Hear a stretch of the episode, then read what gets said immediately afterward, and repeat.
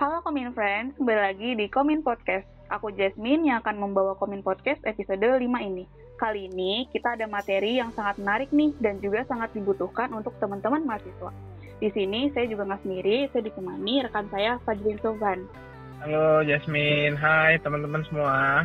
Uh, kenalin, gue Fajrin uh, dan kali ini gue diundang di acara Komin Podcast, eh, keren banget nih kekinian banget eh, gue paling alhamdulillah tahun ini diamanahi menjadi kepala biro administrasi dan keuangan BMFKB TLU dan sekarang kesibukannya paling ya lagi sibuk-sibuk magang aja di salah satu perusahaan telekomunikasi terbesar di, Indonesia. Hmm, keren banget ya ini Fajrin ini. Nah, Sesuai di judul, kita akan membawakan tema Millennials Menabung. Jadi saya akan menyampaikan pertanyaan-pertanyaan yang bakal sangat relatable nih buat mahasiswa. Oke, udah siap ya, Mas Fajrin? Siap ya. Okay. Ini topik kesukaan saya banget tentang uang. Sedikit ya, kalau how to earn it saya juga masih belajar. Jadi kita kan namanya mahasiswa tuh uang tuh masih dari orang tua lah ya, sebagian ya. Jadi daripada kita belum bisa menghasilkan, mending kita saving up dulu gitu ya. Benar, benar, benar. Jadi pertanyaan awal nih, udah basic banget gitu. Kenapa sih saving up itu penting gitu? Menabung tuh penting banget. Karena ada beberapa orang tuh yang ngeberanggatin mahasiswa sih sebanyak uh, kebanyakannya kayak ah nabung mantar aja deh pas sudah kerja. Sekarang masih muda, masih nongkrong di luar deh, masih pengen beli belanja ini itu, pengen hangout dan jalan-jalan lah. Jadi dari pendapat Fajrin sendiri itu gimana? Nabung tuh penting atau enggak? Ya jelas penting. Justru bahwa apa? Masih muda, kita tuh seba itu sebagai apa ya? Sebagai uh, advantage, keuntungan bagi kita sendiri. Karena kenapa? Hmm. Kita masih ya, yang pertama belum ada tanggung jawab. Paling tanggung jawabnya ke diri kita sendiri aja. Dan alhamdulillah masih diberi kesehatan, raga masih sehat. Nah, otomatis ekspos untuk healthcare sangatlah kecil ataupun semisal ada sakit atau apa tercover oleh orang tua ataupun asuransi dari kampus ya. Nah, yang ketiga, nah karena mumpung masih muda, masih young, young and wild and free. Yolo, Jadi yolo. belajar kontrol nafsu, terutama nafsu belanja nih. Nah, hmm.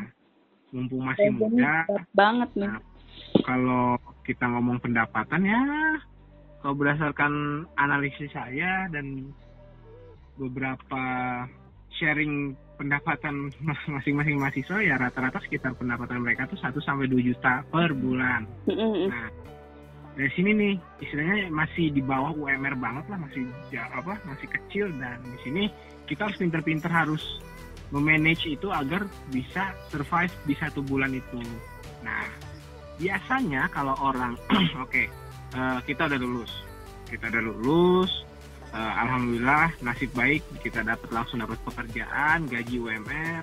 Nah, biasanya pendap uh, yang biasanya lifestyle 2 juta bisa, satu juta setengah bisa, satu juta bisa, ketika dia dapat pendapatannya naik, naik dari sebelumnya, biasanya gaya hidupnya juga naik juga. Nah ini yang jadi problem. Nah makanya dari situ uh, kontrol nafsu penting.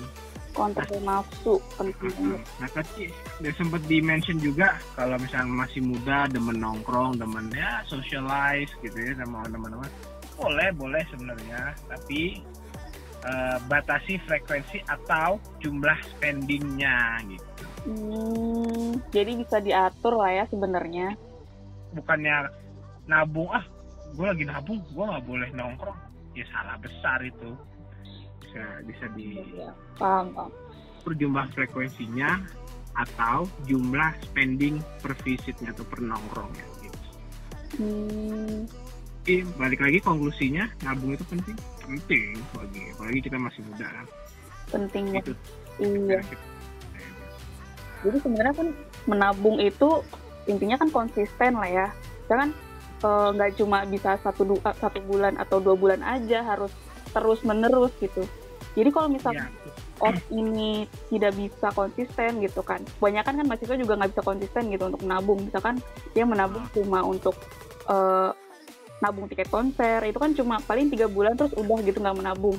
Nah kalau misalnya Hmm. menabungnya nggak lama itu dampak jangka panjangnya tuh apa Oke, dam eh, istilahnya dari orang ini belum ada konsistensi untuk nabung ya. Nah kalau da, menurut saya sih mereka ini memiliki resiko tidak siap menghadapi kejadian-kejadian dalam hidup. Nah apa tuh? Mm-mm. Contohnya kayak musibah. Nah, ah, ah, nauzubillah min zalik misalkan kecelakaan atau kehilangan apa misalnya motor hilang nah yang kedua kebutuhan mendesak dan tiba-tiba. Seperti eh, amit-amit sakit atau mungkin kena denda kena tilang yang lumayan besar gitu kan. Nah yang ketiga nih ada resiko bahwa orang ini tuh nggak memiliki aset gitu kayak kayak rumah kayak tanah kayak modal eh, kayak mobil sorry modal mobil atau in- instrumen investasinya karena kenapa? Karena ketika dia dapat uang dia langsung dibelanjakan spending eh, saat itu juga gitu dikonsumsi saat itu juga. Nah habis kan untuk ya misalkan oke beli baju brand branded oke seneng di awal di akhir akhirnya ada model baru misal. Hmm, Gitu. kayak iPhone sih ya.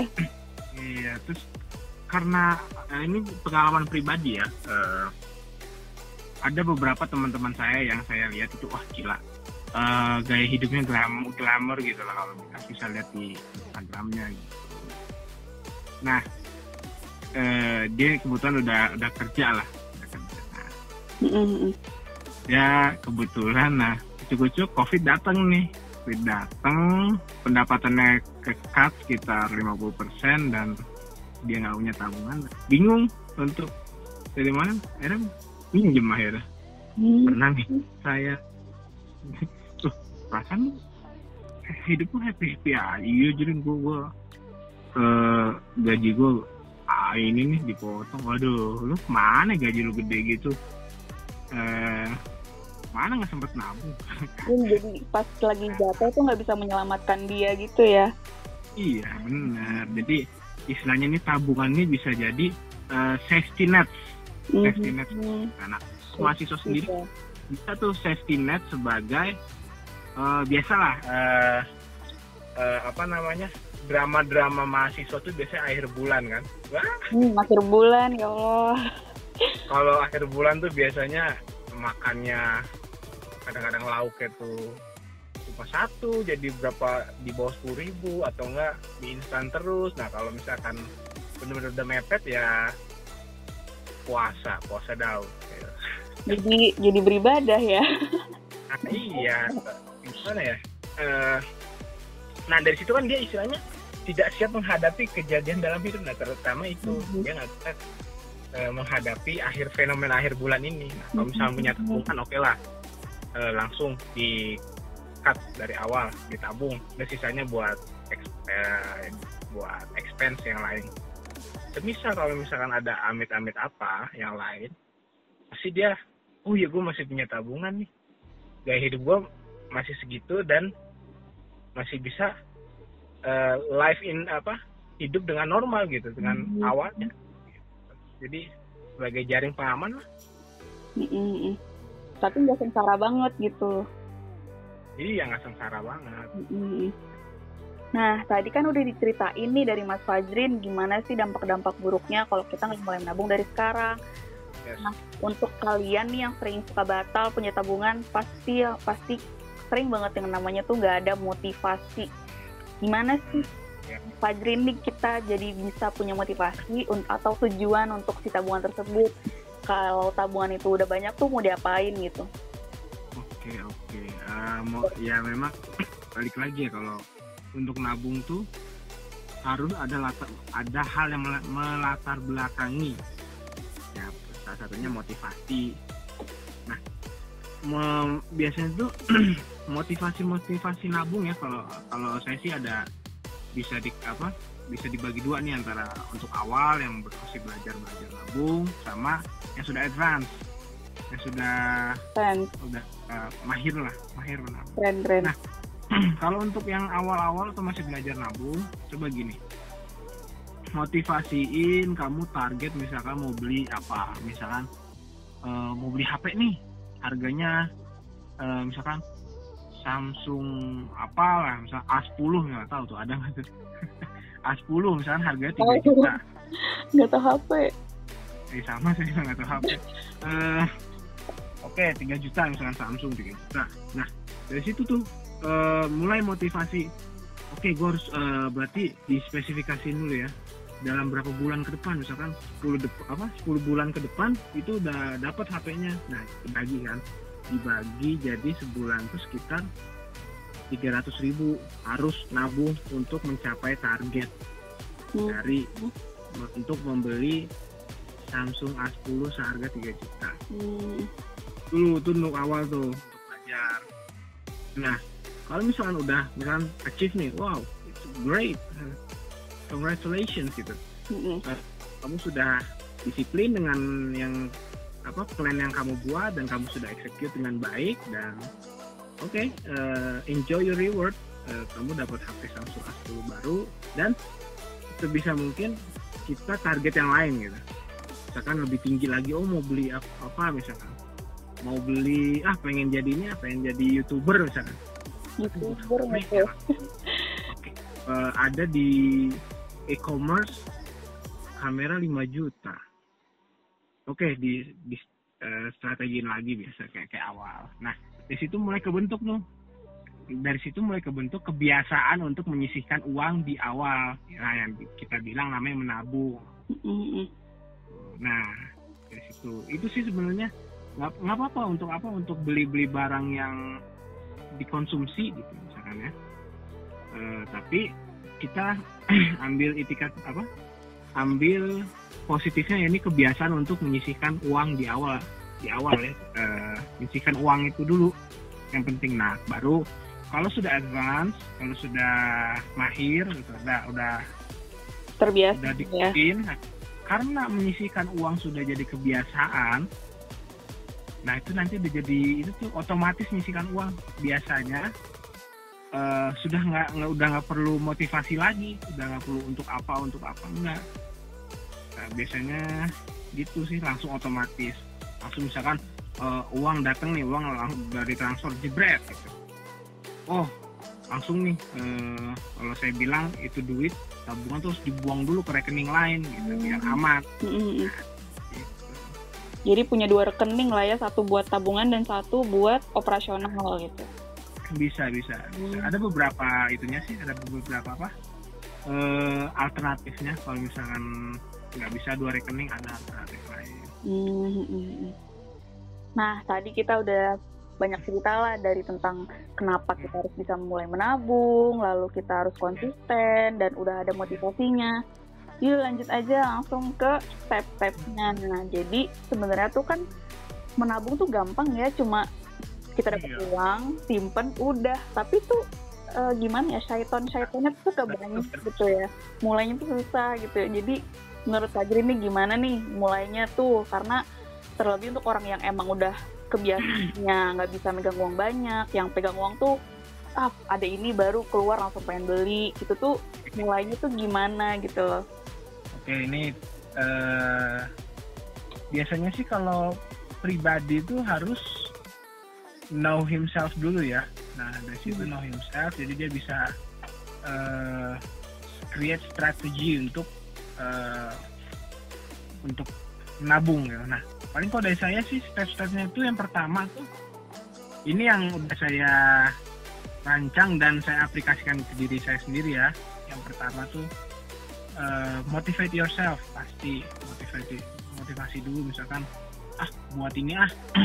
Motivasi contoh gini motivasi saya nih untuk menabung. Motivasi saya tuh aduh ke depan nih takut nih takut jadi apa-apa nih yaudah nabung aja untuk mempersiapkan itu biar antisipasi yang misalkan yang enggak enggak eh, yang enggak nggak nggak terjadi kita ada ada tabungan untuk uh, membayar atau apa namanya hmm, mengalokasikannya ke situ. Hmm. Oke, yang kedua yang pastinya yang paling utama itu budgeting.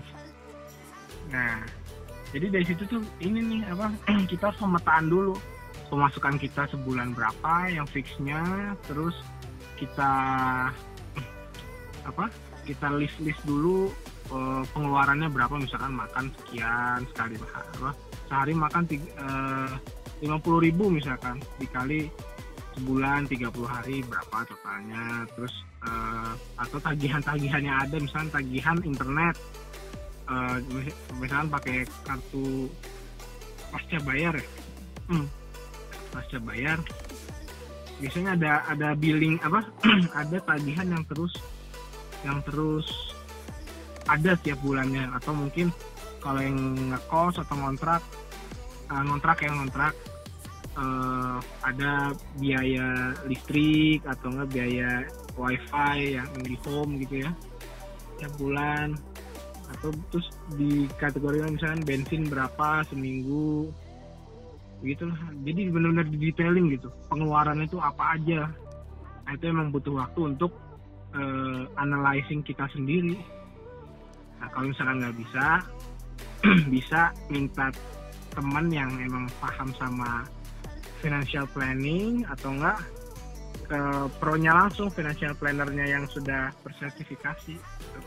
Terus yang kedua yang ketiga tuh setelah udah itu semua budgeting udah oke okay, udah dapat nih kita wow, uh, dapat bisa ditabung sekitar tiga uh, sekian persen misalnya 30 persen ya anggaplah nah yang ketiga nih cari tempat alokasi dana atau tabungan apa yang yang menjadikan tabungan yang sulit untuk dijangkau bahkan kita sendiri. Nah gimana? Loh nah jadi cari tempat yang sulit untuk dijangkau misalnya ya, dana itu apa tempat kita naruh uang tuh nggak nggak selalu ready contohnya kayak rekening lain atau mungkin yang kita uh, in a traditional way kayak uh, celengan dari tanah liat yang bentuk ayam jago atau mungkin celengan ayam lebih modern celengan plastik mm. atau yang ketiga orang yang dipercaya misalkan kayak mama atau papa atau kakak kak tolong dong jadi tempat ini ya gue nitip duit dulu ya biar ini gue lagi nabung buat beli apa apa apa gitu. Nah ketika uh, ada impulsif untuk oh mau beli ini nih. Nah biasanya orang-orang itu ngingetin lagi komitmen awal kita. Ayo biasanya yang mau beli barang A kok tiba-tiba mau beli barang B? Ayo. Hmm. jadi kita mikir lagi kan. Nah itu makanya maksudnya akses tuh kayak gitu. Jadi nah. ada apa ya namanya? Kayak dari kalau aku bilang kalau saya bilang barrier ya ada penghalang. Nah, kalau contoh di, di, itu ini kalau saya ambil rekening lain. Nah kebetulan rekening saham di salah satu sekuritas. Nah itu kan hmm. kalau ambil dana tuh nggak nggak nggak setiap satu. Jadi ambil dana tuh cuma bisa dari hari Senin sampai Jumat jam 9 pagi sampai jam 16.00 aja. Hmm. sisanya nggak bisa untuk narik duit meskipun weekend atau uh, hari week weekend atau weekdays tapi di di atas jam 4 sore gitu 16.00 hmm. nah step selanjutnya pastinya ke pembagian prioritas kebutuhan lah ya. Karena yang kita semua sekarang tahu kebutuhan tuh udah bukan nggak cuma makan nggak cuma minum tempat tinggal sandang pangan papan lah ya hmm. tuh udah kuota internet udah paling penting apalagi pandemi kayak gini skincare, make up untuk perempuan yeah. itu udah kebutuhan primer gitu, bukan sekunder lagi. Tapi kalau saya tuh mungkin ke spare part motor atau mobil kali ya. Udah jadi kebutuhan juga primer di zaman modern ini. Tapi makanya dari situ gak menutup kemungkinan juga kalau hal-hal ini juga yang bisa bikin boros. Nah, gimana caranya nih kita bisa tetap memenuhi kebutuhan itu dan tapi kita juga masih bisa punya saving. Oke, okay.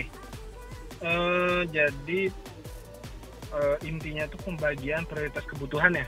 Oke. Okay.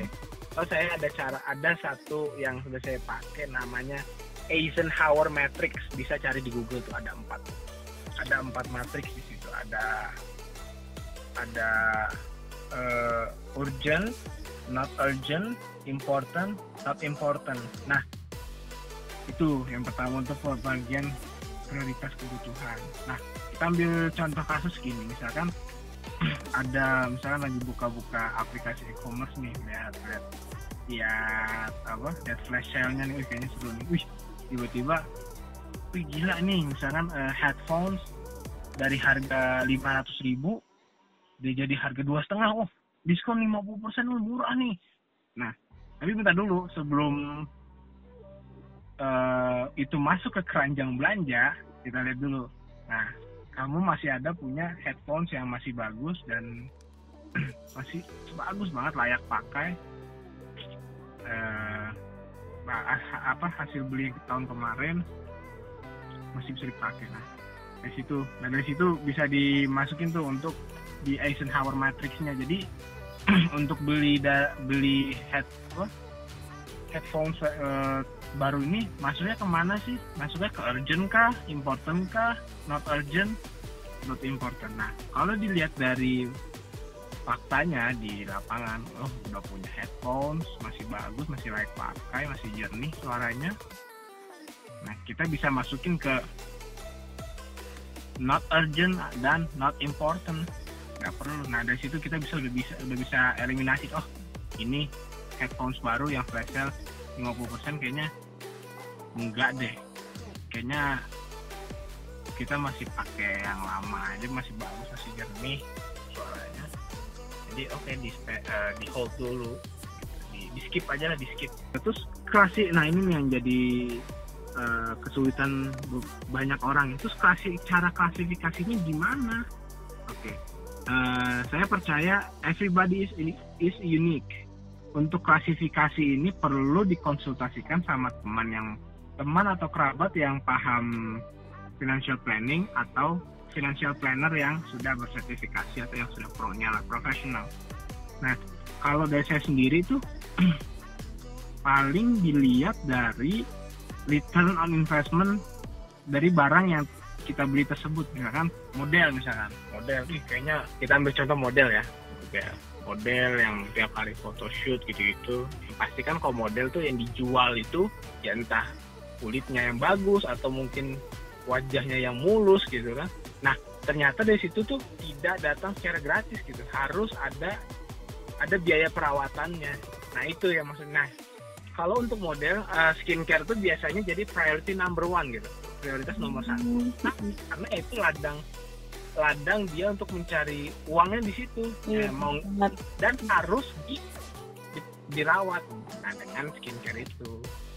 Nah karena karena skincare itu return on investmentnya tinggi nah jadi dia di, diprioritaskan jadi masuk ke kita balik lagi ke Eisenhower matrix jadi urgent dan important. Hmm. itu nah banyak sih uh, kasus-kasus lain. Yang, yang pasti untuk klasifikasi klasifikasinya ini kalau misalnya teman-teman belum ada pengalaman atau mungkin belum tahu caranya gimana klasifikasi, bisa tanya konsultasikan sama teman atau kerabat yang paham financial planning atau langsung ke financial planner yang sudah profesional. Jadi uh, nggak melulu tuh apa skincare tuh jadi bahan pemborosan atau wih gila cewek skincareannya sampai puluhan juta misalnya. Nah tapi di balik itu dia tuh jadi uh, vice president apa uh, eh, VP dari misalkan VP dari uh, public relation misalkan yang harus nanti ketemu orang terus image perusahaan ada di dia nah itu harus on point banget tuh biasanya itu jadi visual tuh jadi aset gitu ya untuk si ya, cewek itu kebetulan profesinya jadi yang apa harus uh, visualnya harus on point nah caranya gimana dengan skincare lah atau mungkin perawatan-perawatan yang mahal-mahal gitu. Nah, Hmm. tapi di sisi lain eh, skincare itu return on investmentnya tinggi. Nah dari situ misalkan, oh visual bagus, jadi citra perusahaan baik gitu kan, citra perusahaan baik, terus eh, making business is easy for her gitu kan, for her. Terus banyak yang mau kerjasama, eh, gitu. Contohnya nih, contoh yang di langit pasti ada masih ada Hotman Paris. Nah, orang Paris tuh biasanya image itu bling bling, raja bling bling kan, wah pakaiannya branded, berlian di, di tangan tuh 10 berlian apa? Tangan apa? Jari tangannya 10 berliannya ada mungkin 5 atau 6 jari yang harganya pun miliar, puluhan miliar gitu totalnya. Nah, kenapa sih kok Hotman Paris tuh perlu repot-repot ngeluarin budget besar untuk cuma berlian, eh, jas mahal, eh, expensive suit and tie ya biasanya. Terus sama eh, sepatu mahal, kendaraan mahal. Dia focusing on apa ya? On looks lah, visual, eh, penampilan. Kenapa? Nah, ini ini menarik nih. Saya juga beberapa apa, pernah baca, bukan ba- pernah nonton videonya dia. Jadi gini, eh, saya tuh nyari makan pak di orang apa di kerib- apa di keributan orang lain gitu jadi orang ada perkara ya gue nyari makan di situ nah nah jadi istilahnya di nah, lawan itu kan punya lawyer lain gitu nah untuk mengintimidasi lawyer itu lawyer law apa untuk meng- mengintimidasi lawan ya dengan cara yaitu eh, flashy atau berpa apa berpenampilan mewah mahal. Nah dari situ terbentuk mindset tuh dari si lawannya. Ih, ih gila nih lawyer pakaiannya mahal, mobilnya ba- bagus, mobilnya mahal, tasnya mahal. Ih pasti ini ini udah killer dulu. Nah dari situ nyalinya udah ciut dulu kan, udah duluan kan. Nah otomatis ketika nyalinya ciut, eh, rasio menang pengadilannya pasti tinggi dong. Lupa apa namanya, a- pernah pernah di itu pernah ada penelitiannya sih kata Hotman pasti gitu untuk intinya sih untuk mengintimidasi nah kalau misalkan dia di luar di luar apa di luar kerjaan ya dia sama aja kayak orang lain pakai kaos biasa pakai celana pendek makan pinggir jalan Jadi dia kayak ada kayak ada two side story yang apa sih yang berbeda berbeda Ya. banget gitu, yang berkebalikan banget. Heeh, nah itu juga untuk menunjang karirnya dia Mm-mm. Jadi di sini lagi ke tadi return on investmentnya berarti boleh boros tapi kalau ada tujuannya ya, ada nilai Betul. di situ. betul Ketika boros itu jadi kan boros ya intinya boleh expense besar di suatu di sesuatu hal atau bidang tapi kamu harus yakin dan harus bisa meng- mengukur return on investmentnya Hmm. nah kalau misal beli ini itu tapi return on investmentnya jelek yang untuk apa itu sama aja eh, boros. Hmm. nggak ada gunanya soalnya. Consuming. Takutnya misleading ya Comin Friends kalau kalau boros itu diperbolehkan untuk return of investment. Kan kita juga masih mahasiswa. Kayaknya untuk Paris tuh tidak ini ya. Cukup agak exaggerating gitu. Jadi eh, Hmm.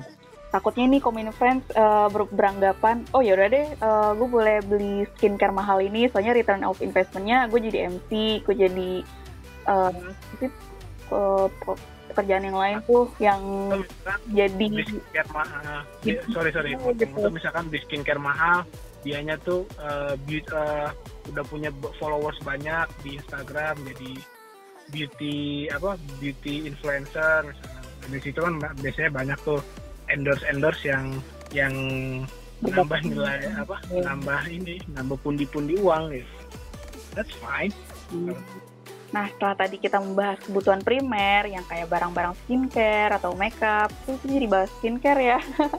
Maaf ya Mas Fajri itu jadi membahas keuangan skincare.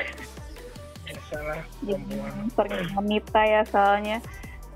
Ya jadi kita langsung aja ke kebutuhan sekundernya yaitu kebutuhan kebahagiaan pribadi itu sebenarnya penting. oke Kebutuhan mental kayak jalan-jalan keluar, liburan, hangout, main sama teman-teman tongkrongannya, udah jadi naluri gitu mas. Mahasiswa nggak hangout gitu kan, saya, saya aja senang banget hangout gitu. Iya. Nah, pendapat dari Fajrin sendiri nih gimana nih kita bisa tetap punya saving money tapi bisa hangout juga. Tadi kan udah bagi Hmm. kebutuhan yang primer, yang sekundernya baginya gimana nih budgetingnya? Oke, oke, oke, oke. Jadi tetap bisa nongkrong tapi tetap punya tabungan gitu. Oke, menarik. Nah, ini hal yang udah diimplementasikan sama saya sendiri ya. Nah, yaitu pertama tuh yang balik lagi ke budgeting. Di budget nih biasanya, aduh, gue biasanya nongkrong tuh seminggu, seminggu sekali deh atau semi- seminggu dua kali maksimal. Seminggu dua kali, oke, seminggu dua kali. Sekali no, sekali nongkrong gue udah udah di budget nih. Udah budget nih. Udah budget sekitar 50 ribu sekali nongkrong. Ya udah it- itu hal kamu harus dis- disiplin harus disiplin.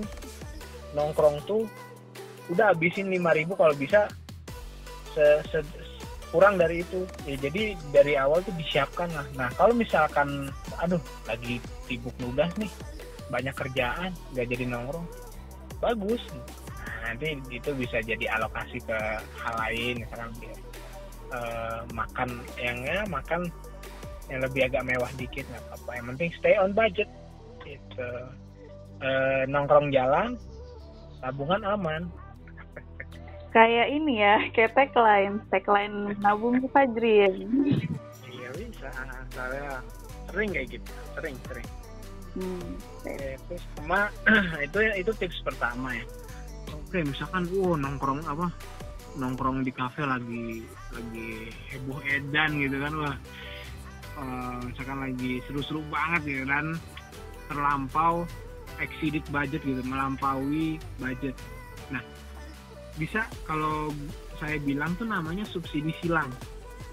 Oke, misalkan malam ini oh malam ini pestanya apa? Bukan pesta ya nongkrongnya lagi gila keren banget gua. Makan ini itu ketika bayar habis lebih dari budget. Oke berarti besoknya besoknya gua eh, berarti ta- tanamkan mas gua harus besok makan itu di, harus sekian. Nah nah, biasanya di bawah budgetnya lagi kita bermain budget di bawah budgetnya untuk menutupi eh, ke- ke- kelebihan eh, budget yang kemarin. Jadi subsidi, bisa disubsidi silang atau mungkin di satu sisi oke misalkan besok nongkrong nih. Terus ha- hari ini terus besok nongkrong nih. Kejadian apa? Kita udah mikir hari ini ya udah deh. Eh, hari ini kita makan atau kons- eh, spending sedikit aja deh kita save buat besok barangkali kan em, lagi ada apa lagi ada makanan baru atau mungkin kopi baru jadi dua itu kalau dari saya ya apa eh, tipsnya budget balik lagi ke budgeting dan subsidi silang Gitu. Hmm. oke Udah nih, kebutuhan primer udah terpenuhi, nongkrong masih bisa saving. Selanjutnya nih tabungan eh, berbulan-bulan di saving tiba-tiba berapa ribu, berapa ratus ribu, berapa ratus juta, kok jadi kayak banyak banget ya. Pengen make deh misalnya, pasti tuh pasti banget. Nah, gimana sih caranya tetap istiqomah agar tabungan itu nggak kepake untuk hal yang lain gitu? oh, oh, keren banget kalau misalkan tabungannya tuh dana nganggurnya tuh sampai ratusan juta bahkan ini kan Oh, itu kayaknya untuk yang ini ya, yang pengusaha gitu kalau ratusan juta. Oke, cara biar biar nggak apa, ya, biar nggak mantap kalau kalau saya bilang mantap, nggak makan tabungan. Oh, oke singkatannya. Iya lagi rame sekarang. Baru tahu saya. mantap makan tabungan. Oke. Oke, jadi balik lagi eh, entah itu motivate yourself dari awal eh, dengan goals atau target misalkan, eh, wih gue pengen punya tabungan sekitar 500 juta nih, udah eh, disiplin dengan itu. Nah ini kuncinya tuh ya, disiplin diri itu kuncinya.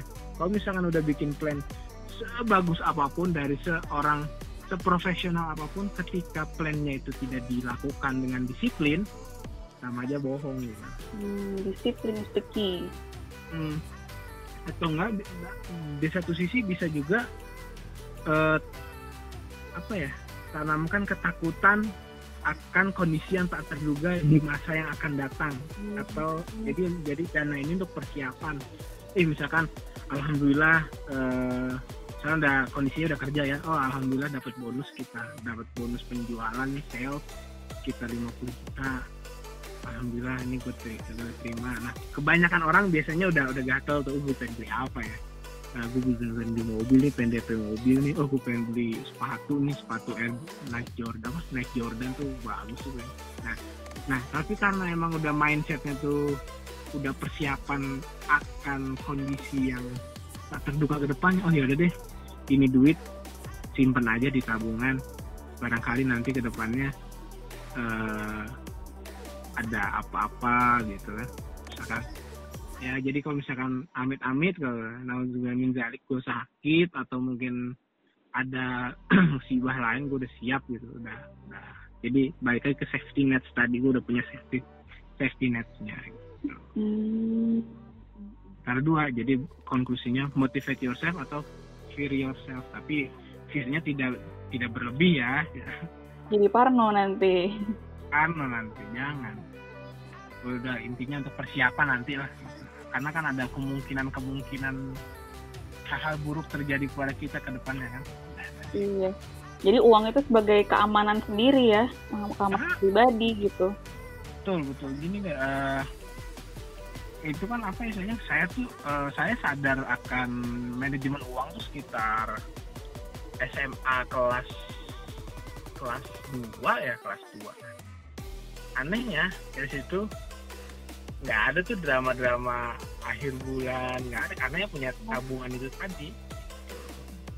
Jadi ada drama. per bulan, tetap tetap ini aja lah tetap apa merayakan dengan teman-teman yang lain gitu dengan sobat Miss Queen yang aduh misalkan satu sisi nih eh, bisa jadi alasan juga ya. Jadi nongkrong lah. Nongkrong nongkrong nongkrong di mana? Aduh sorry bro akhir bulan nih bro. Ke aduh tuan tipis nih. Nah bisa jadi. Oke dah nggak jadi nongkrong Eh, pertemanan aman. Karena oh yaudah nih masa finansial susah nih kalau kalau hmm, konklusi teman gitu kan. Nah di satu sisi tabungan aman.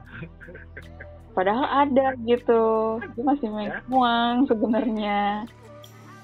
Eh, karena balik lagi ke Eisenhower matrix itu itu not urgent dan not important jadi di eliminate aja Hmm. biasanya kan gitu itu kadang-kadang kalau nggak nggak nongkrong ah males ah. Eh jadi nongkrong nih ah, males ah. Dicat ansos ansos entah. Itu bilang aja di nongkrong yuk. Aduh sorry bro gue nggak lagi nggak ada duit. Nih ya udah deh nggak apa-apa ya Oh kalau bukan akhir bulan bilangnya nggak ada duit gitu. Eh. Bisa. gitu aduh kebongkar nih rah- rahasia saya nih teman-teman Fajrin Subhan kita laksana boleh mengetahui rahasia bongkar semua rahasia sebenarnya. di pod komen podcast ini Nah, pertanyaan terakhir nih Mas Fajrin, misalkan Ya? kita sering banget nih tergoda untuk pakai uang tabungan yang disimpan. Tadi kan udah disebutin kalau eh, nyimpen tuh bisa di, mana aja, kayak punya dua rekening, yang rekening apa satu tabungan dan satu operasional. Tapi kan bisa aja si rekening operasional, eh si rekening tabungan ini tuh bisa mudah dipakai. Nah, apa apakah ada rekomendasi nih dari Mas Fajrin bentuk-bentuk tabungan yang bisa dipakai buat common friends yang kebanyakannya mahasiswa untuk menyimpan uang? Mhm. oke tabungan ya bentuk-bentuk tabungan yang bisa dimanfaatin oleh kalangan Selain mahasiswa rekening Nah. gitu. biasanya tabungan ini pro, by pro, apa produk dari perbankan nah paling kalau dari saya tuh bisa rekening deposito misalnya punya uang berapa udah disimpan tuh untuk deposito selama setahun misalkan selama setahun itu kita nggak bisa akses itu uang kan bisa akses tapi kena kena charge biasanya kena kena penalti biasanya. Nah terus paling dari saya paling atau enggak rekening valuta asing atau mungkin rekening saham atau rekening reksadana. Tapi tidak untuk dibeli ya tidak untuk tabungan dalam bentuk saham enggak ya. Ini cuma untuk uh, penyimpanan ya. tabungan ah punya penyimpanan aja. Karena untuk investing di saham atau reksadana atau valuta asing tuh different uh, talks gitu beda beda beda tema pada kali saya sama mau nanya nih Mas Fajrin kalau valuta asing itu berarti kayak beli dolar gitu ya kita megang uang cashnya dolar gitu atau gimana? Oke, okay. uh, eh, kalau nggak salah sih di perbankan juga ada ya uh, tabungan falas, tabungan valuta asing. Nah buka aja di situ bisa. Nah, misalkan ke teller mbak mau buka val, apa rekening valuta asing bisa. Hmm. Terus minimalnya tuh harus berapa juta gitu nggak? Atau bisa dari minimal nah, ini, ini dikit banget gitu? Saya juga nggak tahu paham betul karena saya belum per, apa nggak pernah pakai cara ini ya. Oh. Uh, uh, uh, kalau untuk apa minimal deposit depositnya tuh tiap tiap bank pasti beda-beda. Cek aja langsung di website banknya ada kok Oke. Okay. Tapi kalau untuk mahasiswa bisa nab, uh, untuk deposito misalnya nih nabung nabung nabung udah lumayan besar dan kayaknya nih duit nggak bisa nggak bisa megang duit lah ya udah di, dibuang aja ke deposito gitu. Hmm, nih deposito sih ya biasanya. Hmm, hmm. Tapi ya paling penting yang paling apa? Yang paling enak tuh ya memang ke rekening lain yang tadi tuh yang saya bilang di awal yang di awal-awal rekening lain terus sama celengan celengan yang traditional way gitu tanah liat atau plastik atau simpen di orang yang dipercaya atau orang terdekat yang bisa dipercaya. Ya, itu yang paling liquid lah ya. Kalau deposito kan pasti ada apa?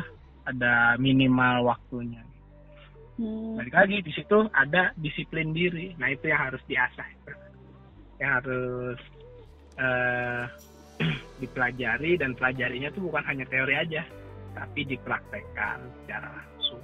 Hmm. Oke. Okay.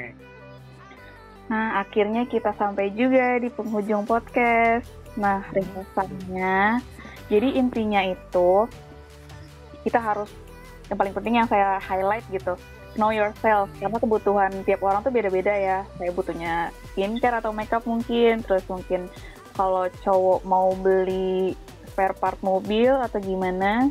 Jadi orang kebutuhan orang itu beda-beda dan ini makanya jadinya harus ditentu harus ditentukannya klasifikasi prioritas kebutuhan. Pokoknya semuanya tuh balik lagi ke diri sendiri ya. Gimana kita mau diri sendiri harus disiplin dan juga uh, tanam rasa takut ya tadi saya tanggap tuh. Bisa. Uh, Rasa takut untuk kejadian-kejadian yang tidak terduga di masa depannya. Hmm, ya itu salah satu cara untuk uh, konsisten menabung. Hmm, hmm. Ya udah berarti semoga sharing-sharing yang kita lakukan nih tentang menabung semoga bisa ditangkap hmm. oleh milenial mahasiswa yang sekarang banyak banget ya kebutuhannya gitu. Semoga diskusi ini bisa bermanfaat dan membakar semangat komunitas. Ya, mudah-mudahan mulai sharing di saya uh, ini juga cerita pri apa cerita pribadi juga mudah-mudahan bermanfaat bagi teman-teman semua. Ambil positifnya, hmm Ya udah terima kasih kepada Fajrin yang sudah bersedia untuk berbagi pengalamannya. Uh, thank you, thank you Komen Podcast, thank you udah ngasih kesempatan saya untuk uh, ngomong apa sharing di sini gitu. Cerita-ceritanya tuh motivasi gitu Mas Fajrin ini. Hmm? ah enggak sih cuma oh, mas apa mahasiswa biasa. Iya ya tapi bermanfaat lah. Semoga untuk kita semua. Ya mudah-mudahan ya bermanfaat. Ya. Ya udah kalau gitu sampai jumpa lagi komen friends di podcast selanjutnya. Bye bye okay, bye